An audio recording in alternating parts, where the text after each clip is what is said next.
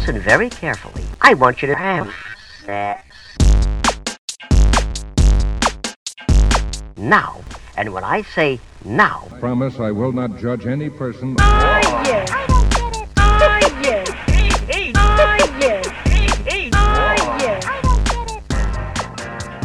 Cześć! Z tej strony Nat, czyli Twoja zaufana sekspertka, a to jest Nat i Seks. Podcast o tym, że życie jest zbyt krótkie na kiepski seks. Odcinek 21. Fantazje o wymuszonym seksie. Hej, hej, miło mi znów gościć w Twoich dziurkach usznych i mam nadzieję, że cieszysz się na to spotkanie tak samo jak ja. Już na wstępie dzisiejszego odcinka chciałabym uprzedzić, że będę, jak sam tytuł wskazuje, poruszać tematy związane z wymuszonym seksem, więc jeżeli masz za sobą doświadczenia przemocy seksualnej i wiesz, że ten temat może być dla ciebie triggerujący, bardzo proszę zadbaj o swój dobrostan i oceń, czy jesteś w stanie obcować z tego rodzaju tematami. Twoje bezpieczeństwo przede wszystkim, być może na tę chwilę sięgnięcie do jednego z archiwalnych odcinków Sexcastu albo poczekanie na kolejny będzie dla Ciebie lepszym rozwiązaniem. Tradycyjnie też chciałabym poprosić Cię o wsparcie tego podcastu poprzez zasubskrybowanie go w ulubionej aplikacji podcastowej, gdziekolwiek lubisz słuchać, zostawienie oceny, udostępnienie go osobom, którym może się spodobać, a także, jeżeli masz taką możliwość, wsparcie mojej działalności mikrodonacją w serwisie Kofi. Link znajdziesz w opisie odcinka. Temat, który dzisiaj poruszę, jest tematem dość skomplikowanym, dlatego że dotyczy fantazji o wymuszonym seksie, popularnie zwanych też fantazjami o gwałcie. Sama jednak nie będę używać dziś tego sformułowania. Będę mówić raczej o fantazjach o wymuszonym seksie, o wymuszonej uległości, czy konsensualnym niekonsencie albo konsensualnym braku zgody, chociaż to ostatnie to prawdziwa gimnastyka oralna, jeżeli chodzi o ich wypowiadanie, więc pewnie będę używać ich najrzadziej. Chyba nie muszę wspominać, że gwałt jest jednym z najokropniejszych przestępstw, które może kogokolwiek spotkać. I z tego też powodu wiele osób, które przejawiają fantazję o wymuszonym seksie, a także osoby, które pracują w dziedzinie seksuologii, psychologii, które pracują z fantazjami dotyczącymi sfery seksualności, zastanawia się, jak w dzisiejszych czasach fantazje o wymuszonym seksie mogą być tak częste. Bo są one dość częste i zaraz przedstawię statystyki, dlatego że mogą one niejedną osobę wbić w fotel. Bez wątpienia, gwałt jako przestępstwo, jako doświadczenie, dla wielu osób jest czymś, czego boją się najbardziej w życiu, ale też dla wielu osób jest czymś, o czym paradoksalnie bardzo często fantazjują. I jak już wspominałam, dlatego że terminologia zahacza o przestępstwo, żeby nie zamydlać jakoś tego obrazu, mówimy właśnie o wymuszonej uległości niż gwałcie w kontekście fantazji seksualnych. I teraz obiecane statystyki. Na podstawie ankiety przeprowadzonej przez Justina Lay Millera, to jest e, amerykański badacz, seksuolog, i badania te były przeprowadzone na grupie 4000 osób, okazało się, że fantazje o wymuszonym seksie dotyczą 61% osób identyfikujących się jako kobiety, przy czym 24% deklarowało, że ma te fantazje często. 54% osób identyfikujących się jako mężczyźni też miało te fantazje, zaś 11,5% zadeklarowało ją jako częstą. Jeżeli chodzi o osoby niebinarne, 68% zadeklarowało posiadanie takiej fantazji, a 31% doświadczało jej często. Co ciekawe, podobne ankiety przeprowadzano też wcześniej z bardzo binarnym podziałem osób badanych, dowodząc w zależności od badania, że fantazje o wymuszonym seksie miało 31 do 57% kobiet, przy czym 17% miało ją często, natomiast jeżeli chodzi o mężczyzn, deklarowało te fantazje od 13 do 54%. Tylko trzeba wziąć pod uwagę fakt, że przy okazji niektórych badań kobiety pytano, czy fantazjują o tym, aby wymuszono na nich seks, natomiast mężczyzn, czy fantazjują o wymuszaniu seksu. Badanie Lej Millera jest jednym z najnowszych i na jego podstawie możemy wysnuć dwa wnioski. Fantazje o wymuszonym seksie są powszechne i zauważalnie przeważają u osób identyfikujących się jako kobiety lub osoby niebinarne. Tyle statystyk. Teraz czas na teorię. Dlatego, że jeżeli chodzi o fantazję o wymuszonym seksie, bardzo wiele osób, które je przejawia, zastanawia się, dlaczego w ogóle mają takie fantazje, dlaczego pojawiają się w ich głowie, czy oznacza to, że powinny wcielić się w życie, a osoby, które takich fantazji nie mają, bardzo często wykazują niezrozumienie, dlatego że ktoś mógłby fantazjować właśnie o takim wydarzeniu. Na samym początku chciałabym podkreślić, że nie znaleziono korelacji między autentycznym doświadczeniem nadużyć seksualnych, przykład w przeszłości, w okresie dziecięcym, a fantazjami o wymuszonym seksie. Dlatego, że zauważono, że równie często pojawiają się one u osób, które doświadczyły przemocy seksualnej, jak i tych, które przemocy seksualnej nie doświadczyły. Dlatego, że bardzo często pojawiają się tego typu spekulacje, że osoby, które fantazjują o wymuszonym seksie, na pewno musiały doświadczyć przemocy seksualnej w dzieciństwie i na przykład nawet sobie tego nie uświadamiają. Tylko w przypadku tego typu dociekań trzeba zauważyć, że korelacja, czyli że coś jest powiązane z czymś, nie oznacza, że dane wydarzenie było powodem wystąpienia innego rodzaju fenomenu. Dlatego, że nie jesteśmy w stanie stwierdzić tego na 100%. Podkreślam też, że teorie dotyczące tego, skąd biorą się fantazje o wymuszonym seksie czy fantazje o wymuszonej uległości, nie są oficjalnie potwierdzone, są teoriami.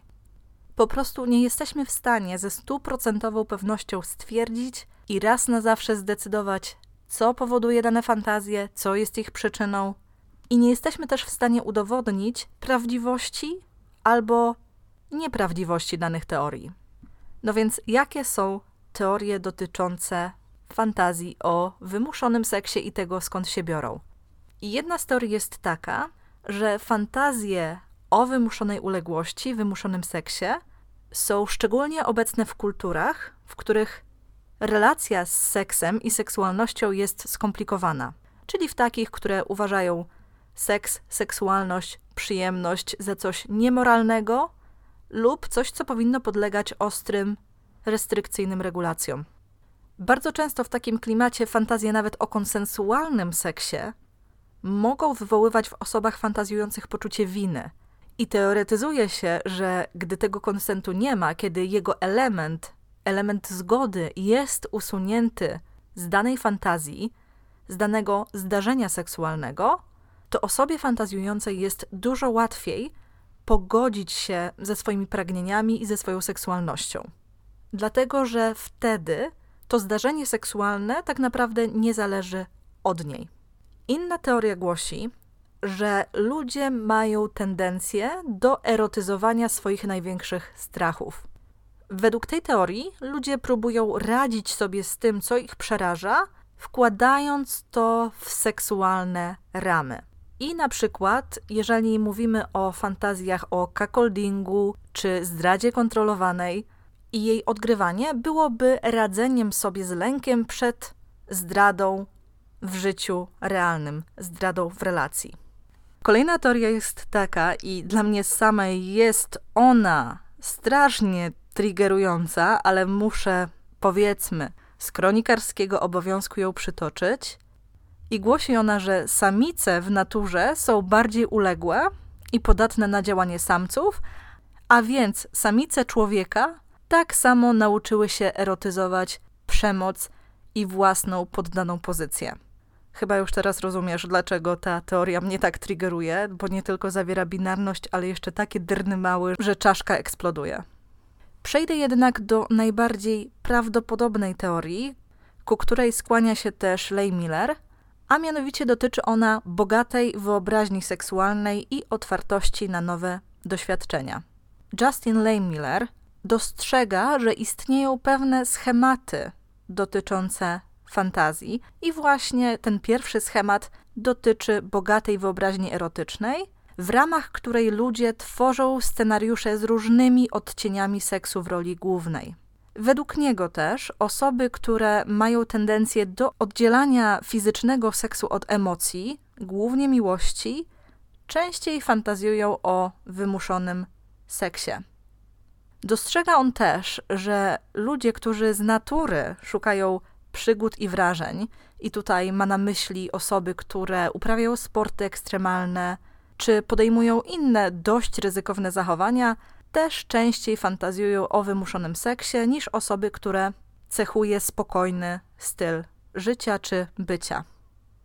I są to grupy tak naprawdę najbardziej widoczne, jeżeli chodzi o dociekania na temat wymuszonej uległości. Natomiast jeżeli chodzi o inne korelacje, to są to naprawdę bardzo małe odsetki. Jeżeli chodzi o osoby, które doświadczyły przemocy seksualnej, nie znaleziono mocnego połączenia między tymi przeżyciami a późniejszymi fantazjami. I według teorii Lej Millera, osoby fantazjujące, i myślę, że ta teoria nie jest odosobniona, osoby fantazjujące, które doświadczyły przemocy, dzięki tego typu fantazjom odzyskują swoją sprawczość i kontrolę nad sytuacją. Kolejnym małym odsetkiem są osoby, które deklarują niskie poczucie własnej wartości. I wreszcie ostatnia grupa to osoby, które fantazjują lub są w relacjach uwzględniających dominację i uległość. Co jednak jest interesujące, nie znaleziono głębszego i konkluzywnego znaczenia, jeżeli chodzi o tego typu fantazje, właśnie w tego typu dynamikach. I na każdym kroku, jeżeli mówimy o fantazjach o wymuszonym seksie, musimy pamiętać, że sam fakt, że tego typu fantazje się pojawiają, nie świadczy o tym, że dana osoba pragnie mniej lub bardziej doświadczyć realnej przemocy seksualnej w życiu codziennym. Musimy pamiętać, jaki jest charakter fantazji. To osoba fantazjująca reżyseruje całe wydarzenie. To osoba fantazjująca tworzy scenariusz postępowania, tworzy obraz osoby, która wymusza na niej seks, osoby oprawczej, i dlatego tak ważne jest podkreślanie, że chodzi o konsensualny brak zgody. Bo seks w ten sposób wyreżyserowany, nawet w takich ramach dotykających właśnie tabu, przemocy, nie jest realnie wymuszony on jest w ten sposób wyreżyserowany i zaplanowany. I sama bardzo często podkreślam, że w tego typu fantazjach chodzi przede wszystkim o to, aby być obiektem czyjegoś niepohamowanego pożądania i też o to, aby pożądać strony oprawczej. W gwałcie, który jest przestępstwem, tych elementów nie ma. W gwałcie nie chodzi o żądzę i seks chodzi o coś zupełnie, zupełnie innego. Dlatego jedno jest pewne. Niezależnie jak nazywamy własne fantazje o wymuszonym seksie, być może na własny użytek nazywamy je fantazjami o gwałcie, jedno jest pewne. Te fantazje nie muszą być poprawne politycznie. Osoby każdej płci mogą fantazjować o tego typu seksie. Osoby o zacięciu feministycznym też fantazjują o wymuszonym seksie. Pamiętajmy, że świat naszych fantazji erotycznych i tego, kim jesteśmy właśnie w takiej swojej najsurowszej erotycznej formie, nie musi spinać się z tym, za kogo uważamy się w życiu, powiedzmy, codziennym. Tak długo, jak nasz seks i to, jak realizujemy swoją ekspresję seksualną, jest konsensualne, i wszystkie strony mają świadomość pewnych dynamik, które mogą wpłynąć na konsensualność relacji i czerpiemy z nich przyjemność, wszystko jest porządku. Dlatego nawet jeżeli mówimy o wcielaniu tego typu fantazji w życie, bo część osób to robi, nawet całkiem sporo, to trzeba podkreślić, że bardzo często są to długie godziny planowania, opracowywania całego schematu, A ludzie, którzy świadomie angażują się w tego typu scenariusze, najczęściej rozumieją ideę świadomej zgody znacznie lepiej niż przeciętny użytkownik seksu. Dlatego, że są to bardzo długie godziny gadania, dopracowywania i też poniekąd bardzo często mierzenia się z tym, o czym mówiłam wcześniej, czyli z odwiecznym pytaniem dlaczego. Zawsze jednak podkreślam, że to, że jakaś fantazja się pojawia, wcale nie musi automatycznie oznaczać tego, że powinna zostać zrealizowana czy wcielona w życie. Dlatego, że w przypadku fantazji to my reżyserujemy całe wydarzenie. A jeżeli ta fantazja ma włączać obecność innych osób, to bardzo często w życiu realnym nie mamy nad nimi kontroli ani nad ich zachowaniem, w przeciwieństwie do świata naszej głowy, gdzie wszystko odbywa się zgodnie ze scenariuszem, który tworzymy na bieżąco. Dlatego, jeżeli chodzi o wcielanie w życie pewnych skomplikowanych fantazji, czasem możemy czuć rozczarowanie, że nie są one dokładnie takie jak w naszej wyobraźni. Dlatego w takich sytuacjach warto się zastanowić, czy przeżycie czegoś na żywo jest dokładnie tym, czego potrzebujemy i na co czujemy gotowość. Być może lepiej i bezpieczniej dla nas będzie, jeżeli jakieś scenariusze pozostaną wyłącznie w przestrzeni naszej głowy i będą paliwem na przykład dla naszych sesji solo seksu, czy może powoli, ostrożnie będziemy włączać się w tak zwane świntuszenie, czy sexting, czy inne formy, które niekoniecznie muszą zakładać kontakt fizyczny, jeżeli rzeczywiście chcemy włączyć w to jakoś drugą osobę. Myślę, że jest jeden aspekt, o którym warto wspomnieć, jeżeli chodzi o fantazję o wymuszonym seksie. Mianowicie taki, że wiele osób czuje pewien dyskomfort związany z tego typu fantazjami, zwłaszcza, że teraz żyjemy w erze mitu i trochę głupio niektórym osobom jest fantazjować o niekonsensualnych kontaktach seksualnych, dlatego że z powodu klimatu społecznego mogą one budzić pewne poczucie winy i niekoniecznie nam służyć. Bo jeżeli się temu przyjrzeć, bo jeżeli się temu przyjrzeć, to fantazje o wymuszonym seksie nie są aż tak często poruszanym tematem, jeżeli chodzi o seksualność. I ja to doskonale rozumiem dlatego że można nie chcieć dzielić się tego typu fantazjami, na przykład ze strachu, że ludzie zaczną wsnuć domysły lub tworzyć własne, mniej lub bardziej sensowne teorie na nasz temat. Ludzie lubią wynajdywać wszelkie korelacje, przyczyny, które niekoniecznie muszą się spinać z rzeczywistością tak długo, jak mają sens dla nich samych i w jakiś pokręcony sposób pozwalają im uporządkować to, z czym muszą się zmierzyć. Kolejno, funkcjonujemy w rzeczywistości, w której nadużycie seksualne, przemoc seksualna jest realnym zagrożeniem i zdarza się bardzo często. Dlatego nie mówimy o fantazjach o wymuszonym seksie też ze strachu przed tym, że jeżeli przydarzy nam się sytuacja uwzględniająca gwałt, nadużycie seksualne, a wcześniej zdarzyło nam się mówić o tego typu fantazjach publicznie, to jeżeli zdarzy się on realnie, będzie nam dużo trudniej dociekać swoich praw, dlatego że ktoś stwierdzi, no skoro dana osoba podzieliła się tego typu fantazjami, skoro opowiadała o tym wszemi wobec, to znaczy, że sama tego chciała. W szczególności w sytuacjach, jeżeli sprawcą przemocy jest osoba znana, co bardzo często zdarza się w przypadku przemocy seksualnej i wszelkich tego rodzaju nadużyć. Myślę, że kolejną kwestią, którą warto poruszyć, jest też coś bardzo pozytywnego, bo zauważam, że obecnie mamy dużo większą wrażliwość na konsensualność relacji.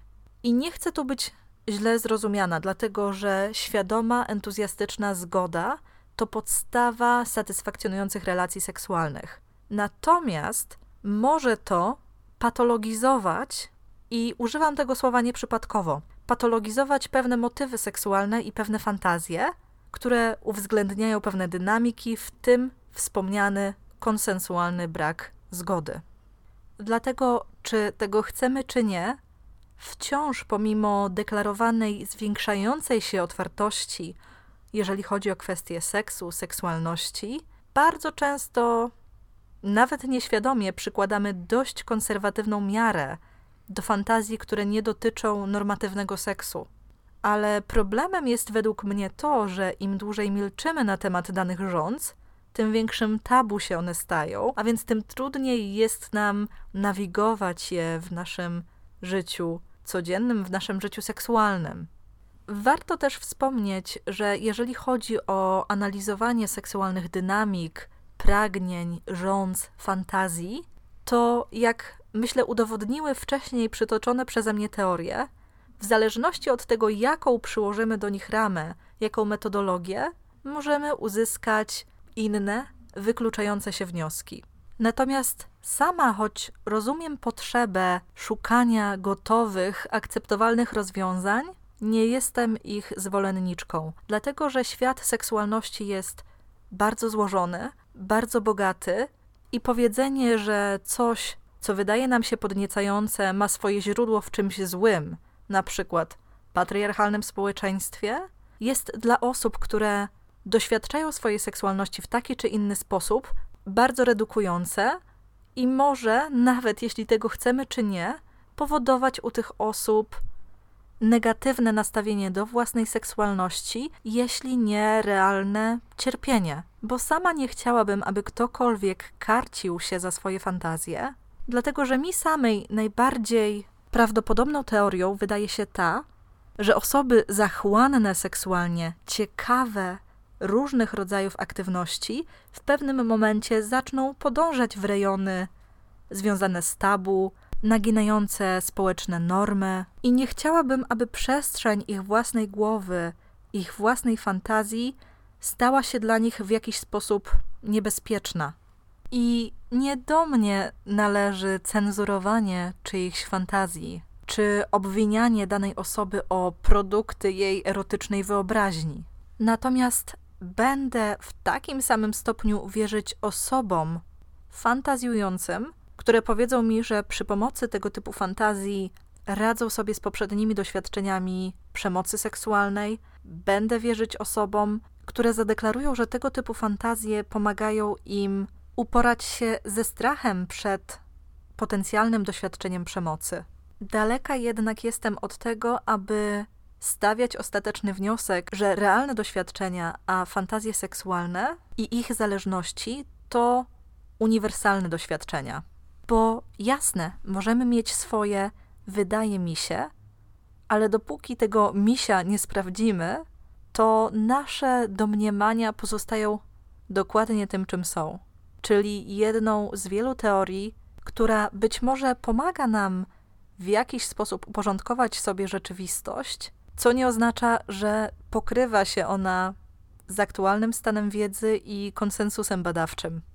Dlatego fantazjuj na zdrowie i mam nadzieję, że dzisiejszy odcinek pomógł Ci w jakiś sposób zrozumieć fantazję o wymuszonym seksie, fantazję o konsensualnym braku zgody i mam nadzieję obalił kilka mitów funkcjonujących w naszej kulturze dotyczących właśnie tego typu fantazji zahaczających o tabu. I tym samym żegnam się z Tobą i nie pozostaje mi nic innego, jak życzyć Ci wszystkiego seksownego i zaprosić do wysłuchania kolejnego odcinka. Pa!